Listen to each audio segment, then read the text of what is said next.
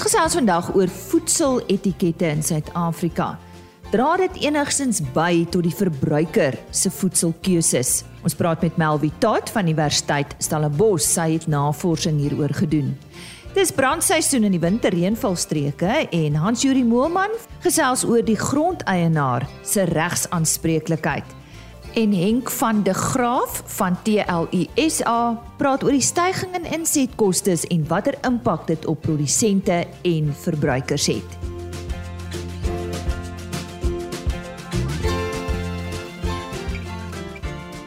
In Januarie, jy's ingeskakel vir RSG Landbou. My naam is Lise Roberts en vir die wat vandag aan die werk spring, baie sterkte met 2022. Ons sluit ver oggend eerste aan by die redakteur van die Stokfarm tydskrif, Isak Hofmeyer. Dag sê hier uit die Stokfarm hoofkwartier. Ja, 2022 is in volle swang en die Januarie uitgawe van Stokfarm is lank reeds op die rakke. Jy sal die uitgawe herken aan die bontvetstert skape op die voorblad. Dis 'n nuwe ras wat vir die Bosveld omgewing van die noordelike dele van die land ontwikkel is, waar veral hardwater skaapboerdery geweldig bemoeilik. Vir skaapboere in hierdie dele van die land bied die ras 'n baie goeie oplossing. Sy naam, wat dan anders, die Bosvelder. In hierdie uitgawe fokus ons ook op twee baie kommerwekkende aspekte van omgewingsagteruitgang, naamlik gronderosie en woestynvorming. Die aspekte is baie nou verwant aan mekaar en lei tot die verlies aan boergrond en plantegroei diversiteit en dra op die ou end tot klimaatsverandering by. Nou in die artikel oor die bekamping van gronderosie fokus ons hoofsaaklik op strukture en tegnieke om watervloei te verstadig en plante toe te laat om weer in verspoelde dele te vestig. In die artikel oor woestynvorming val die fokus op die impak daarvan op die landbou en ons kom tot die slotsom dat opvoeding die kernoplossing hiervoor is. Ons lê ook besoek af by die LRF se ontwikkelende boer van die jaar wat in die Vanderbijlpark omgewing boer. Hierdie jong vrou se passie vir wat sy doen het geen perke nie en ek is seker dat ons nog baie van haar gaan hoor. Ouder gewoonte fokus ons weer sterk op kuilvoer en ons kondig die wenner van die 2021 Santam kuilvoer koning kompetisie aan. Die langtermyngevolge van speenskok by lammers moet nooit onderskat word nie. Dit kan lammers se potensiaal baie negatief beïnvloed vir die res van hulle lewens.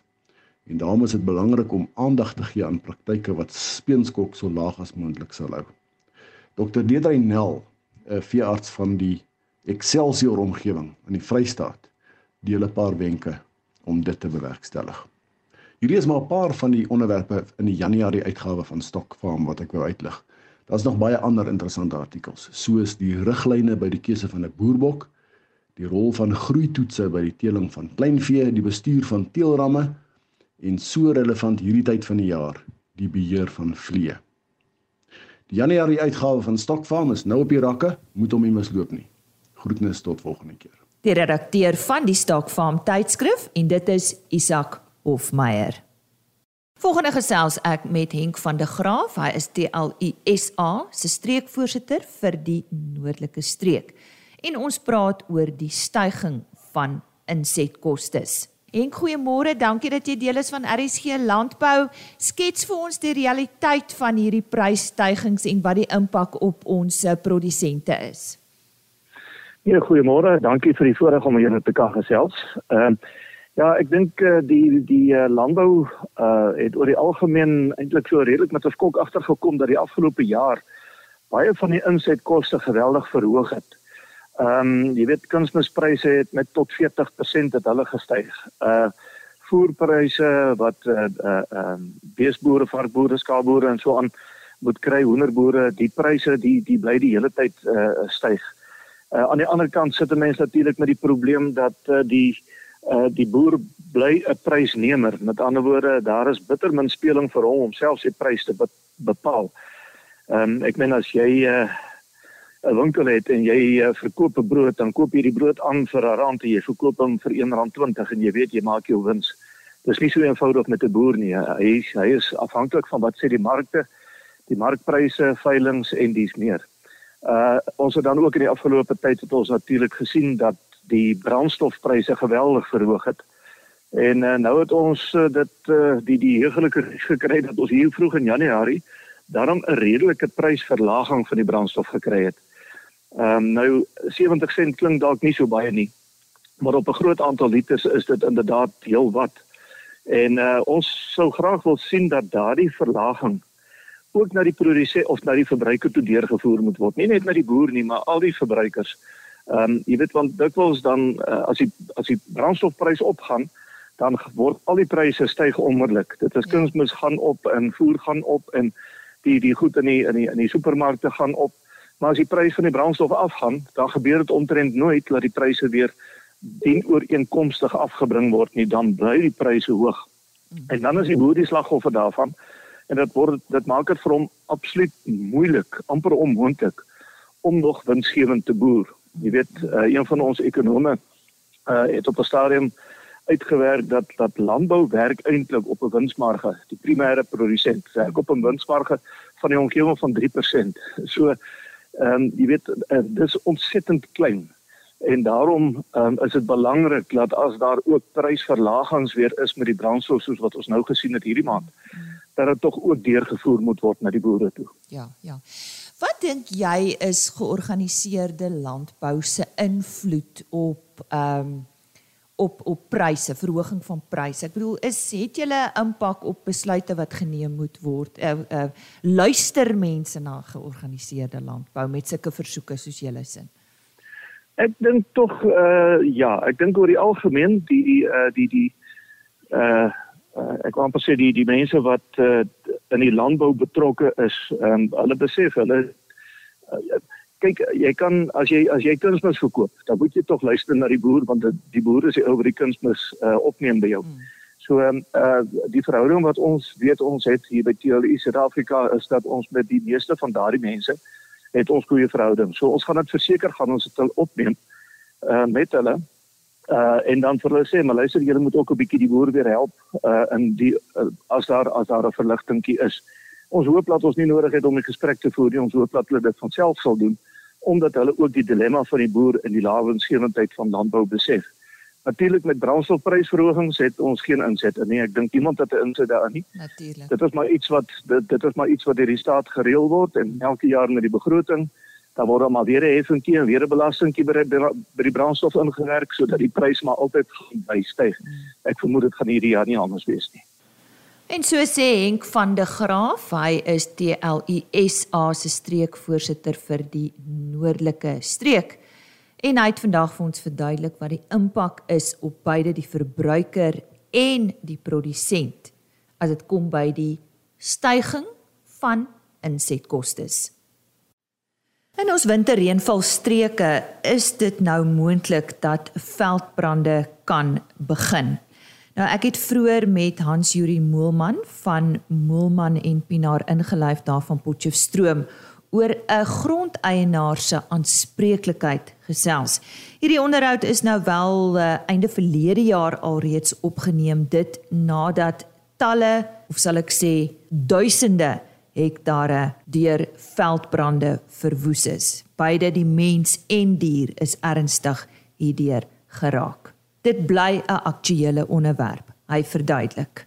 Ek dink is 'n dis 'n die skade wat dit veroorsaak is onderskat. Ehm um, omdat dit sporadies plaasvind. Dit gebeur nie altyd soos baie keer nie daai 'n jaar terug in die Vrystaat waar daar 100 000 hektaar op een slag afbrand nie, maar um, klein bietjies bietjies tel op jou end op en noordwes tot nou toe is ons by 600 000 hektaar in 'n seisoen. Nou dis 'n dis 'n groot stuk aarde, dis dis omtrent mm. amper 'n tiende van die provinsie mm. wat afgebrand het. En as dit in die middel van die winter gebeur of vroeg in die in die in die winterseisoen, dan verloor al daai boere hulle veiding.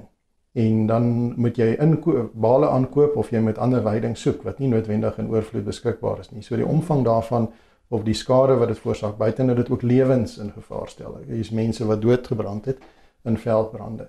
Het dit 'n enorme impak op op die landelike ekonomie ehm um, omdat dit een van die belangrikste hulpbronne veral in die weidingsgebiede ehm um, vernietig in totaal in totaliteit vernietig. So dis die ek dink dis dis dis waar mense dit onderskat of die omvang daarvan onderskat. Dis nie so maklik om te bepaal presies wie verantwoordelik is vir 'n veldbrand nie. Want dit kan enige plek deur enige iemand gebeur. So hoe hoe kom ja. mens by die aanspreeklikheid uit?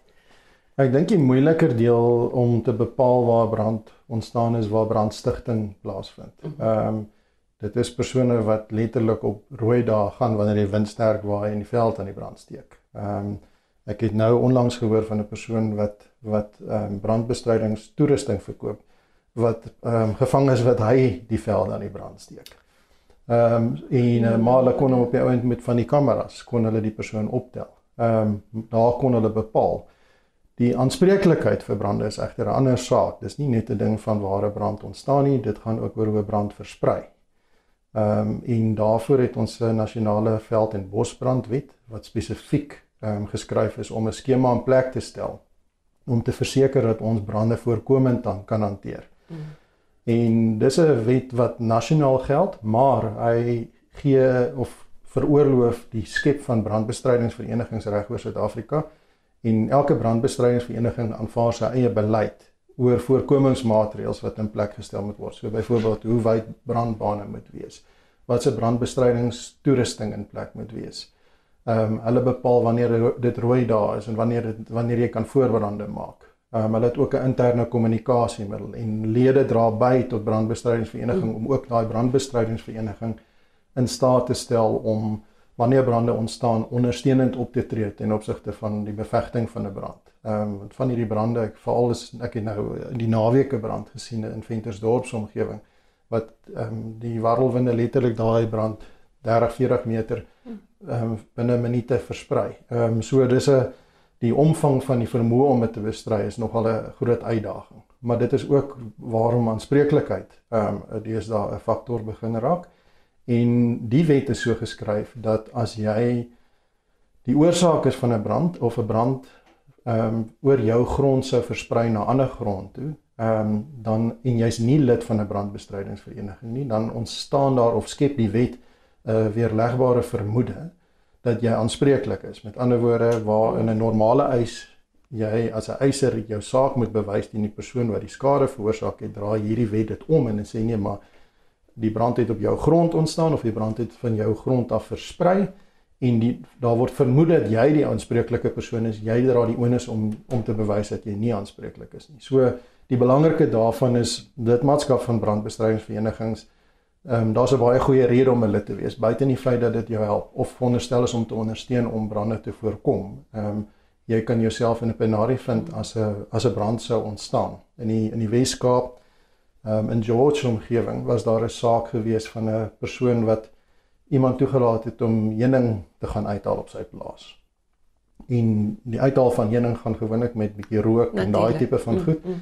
En die persoon wat die heuning uitgehaal het, het um, ongelukkig die veld aan die brand laat steek en dit het versprei toe na verskillende plase in die omgewing.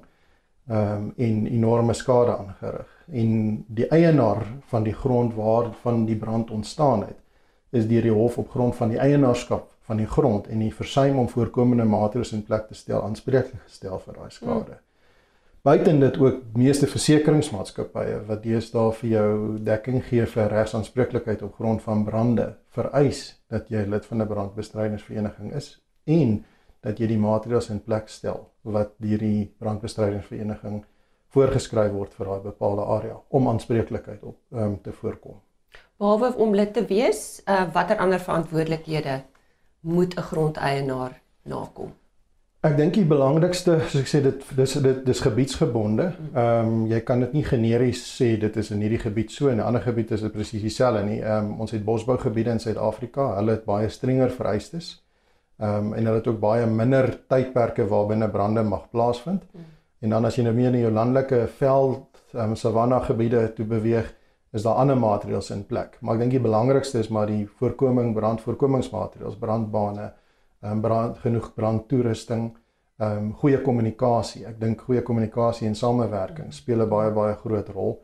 Ehm um, ek dink ook een van die groot uitdagings wat ek nou onlangs ehm um, te doen gekry het met die Noordwesse Sambreel brandbestrydingsvereniging is is is die staat ehm um, wat 'n grondeienaar is wat nie daai maatreëls in plek het nie. Spoornet en Transnet en Eskom ehm um, wat uh, was 'n jaar van die saak baie groot groot stukke grond het en um, brandend van daar versprei. Ehm um, ek het nou 'n foto gesien van persone wat ehm um, op 'n rooi dag op 'n treinspoor staan en swys. Mm. Ehm um, en dit is 'n en dan is daar geen uh gras of geen voorbrande gemaak weerskante van die treinspoor nie en dit is net 'n kwessie van 'n sterk wind en 'n paar vonkies op 'n verkeerde plek en dan dan versprei daai brand. So dis maar die maatreëls wat ek dink mense in plek moet kry en ek dink jy moet met jou brandbestrydingsvereniging in verbinding tree, aansluit en seker maak dat jy daai maatreëls voldoen. Dit is dan meer oor veldbrande en die grondeienaar se regsaanspreeklikheid. Ek het daar gesels met Hans Juri Moelman. Hy is van Moelman en Pinaar ingelyf en hulle is daar op Potchefstroom. Oordraagbare siektes soos COVID, TB en HIV geniet baie media aandag, maar ons vergeet dat nie oordraagbare siektes wêreldwyd amper 3 kwart van sterftes veroorsaak. Die voorkoms van nie oordraagbare siektes kan verminder word deur slimmer te eet, maar verbruikers moet ingelig wees om gesonder keuses te maak. Die gebruik van gesondheidsaansprake op voedseletikette is nogal 'n kontroversiële onderwerp, veral in ontwikkelende lande soos Suid-Afrika. Daar's verskeie uitdagings wat hiermee gepaard gaan. Ons gesels vandag met Melvie Todd. Nou sy's 'n doktorale student in die departement voedselwetenskap by Universiteit Stellenbosch. Sy is die hoofnavorser wat 'n studie gedoen het oor of gesondheidsaansprake op voedseletikette Suid-Afrikaners behulpsaam sal wees. Melvie, watse impak kan voedseletikette op ons koskeuses hê? En is dit 'n gelyke saak vir almal? Ja, wel, eerstens moet ons besef dat dit nie alle voedsel wat in Suid-Afrika verkoop word het etikette nie. Ehm um, voor COVID voor ehm um, byvoorbeeld was omtrent 40% van ons voedsel sonder etikette verkoop en ek dink teen hierdie tyd is dit seker al baie meer. So hmm. byvoorbeeld in onformele markte kan voedsel in klein plastiek sakkies verkoop word om dit in meer bekostigbare en kleiner porsies beskikbaar te maak. So dit kan nou wees in so spaarse winkels of dalk mense wat net kos ehm um, op die straat verkoop. Hmm. So as ons wil hê dat voedseletikette 'n rol moet speel in mense se voedselkeuses, is dit belangrik dat ons besef ons sluit al daai mense uit wat nie deur die formele kanale kos koop nie. En hmm. as ons dink wie wil ons ook help, is dit baie keer die mense wat nie die geld het om byvoorbeeld ehm uh, dokter toe gaan as hulle probleme ervaar as gevolg van hulle gesondheid nie. So as ons dan kyk na mense wat kos koop wat wel etikette het, byvoorbeeld in die supermarkte, ehm um, is dit ook nie gegee dat hulle noodwendig dan die etiket gaan lees nie. Dan is daar ander faktore of hindernisse wat ons moet oorweeg. Gebaseer op hierdie navorsing blyk dit dat daar baie hindernisse is met ons bestaande voedseletikette. Nog voordat ons van gesondheidsaansprake begin praat, kan jy ons meer vertel oor julle bevindinge? Ja, verseker. Ehm um, eerstens het ons gedurende ons navorsing gehoor dat ons nog nie die basiese probleme aangespreek het nie. Eerstens, taalgebruik is meestal net Engels, uh maar meeste huishoudings in Suid-Afrika praat nie Engels as eerste taal nie. Hmm. Tweedens is dit onmoontlik om van die inligting actually gebruik te maak as mense nie geletterd is nie. Dit wil sê as hulle nie kan lees nie. En omtrent 13% van ons nasie is actually nie geletterd nie. En dan derdens is die inligting in baie gevalle nie besonder leesbaar nie is of baie klein geskryf of die kontras tussen die agtergrond en die inligting is baie swak soos 'n donker geskryf donkergrys geskryf op 'n silwerfolie agtergrond en dan moet jy so begin weeg om te probeer lees wat daar aangaan. So as mense nie die inligting kan lees nie, kan dit obviously of gaan dit obviously nie 'n baie doeltreffende manier wees om vir mense in te lig oor wat hulle eet nie. En verder, ehm um, selfs as iemand die inligting kan lees, beteken dit nie noodwendig hulle gaan dit lees nie. Ehm um, en dit beteken ook nie noodwendig dat dit hulle dit kan verstaan nie. Ehm um, byvoorbeeld die motivering om te lees is belangrik en dan ook opvoeding om die inligting te kan verwerk en uh well, verwerk in iets wat vir hulle sinvol is en dan wat hulle kan gebruik om hulle keuse uh in te lig. Maar weer eens, as iemand nou moeg is of gejaag is, ehm um, jy weet dis die einde van die lang dag, dan word die kans al die skrale dat iemand actually daai etiket gaan gebruik om 'n besluit te maak. So jy gryp met die eerste regte ding van die rak af en betaal daarvoor en dink nie verder daaraan nie. As ons nou spesifiek oor gesondheidsaansprake praat, is dit volgens julle navorsing iets wat 'n oplossing bied vir Suid-Afrika? Wel, dit was eintlik vir ons baie interessant want party mense het gesê hulle dink actually waarskuwings soos wat ons op alkohol of sigarette kry sal meer doeltreffend wees as gesondheidsaansprake. So ons is nou tans besig met die uitslae van uh, die daai deel van die studie. So ek gaan daai brokkie hou vir 'n ander toekomstige in um onderhoud, maar ek maar wat ek wel vandag kan sê van gesondheidsaansprake is dit um Suid-Afrika is bloot nie in, eenvoudig nie reg daarvoor nie. Daar's groot gapings in die beoordeling van ons aansprake as ook die toepassing daarvan. So die kenners en verbruikers in ons studie het saamgestem dat dit beter sal wees om geen aansprake te hê nie as om 'n vloed produkte in die mark te laat kom en dan is daar aansprake wat ons nie kan beheer nie uh, met die gevaar dat verbruikers mislei sal word. Nou aangesien voedseletikette klaarblyklik nie al ons gesondheidsprobleme kan laat verdwyn nie, waarop dink jy moet die voedselbedryf en beleidsmakers fokus?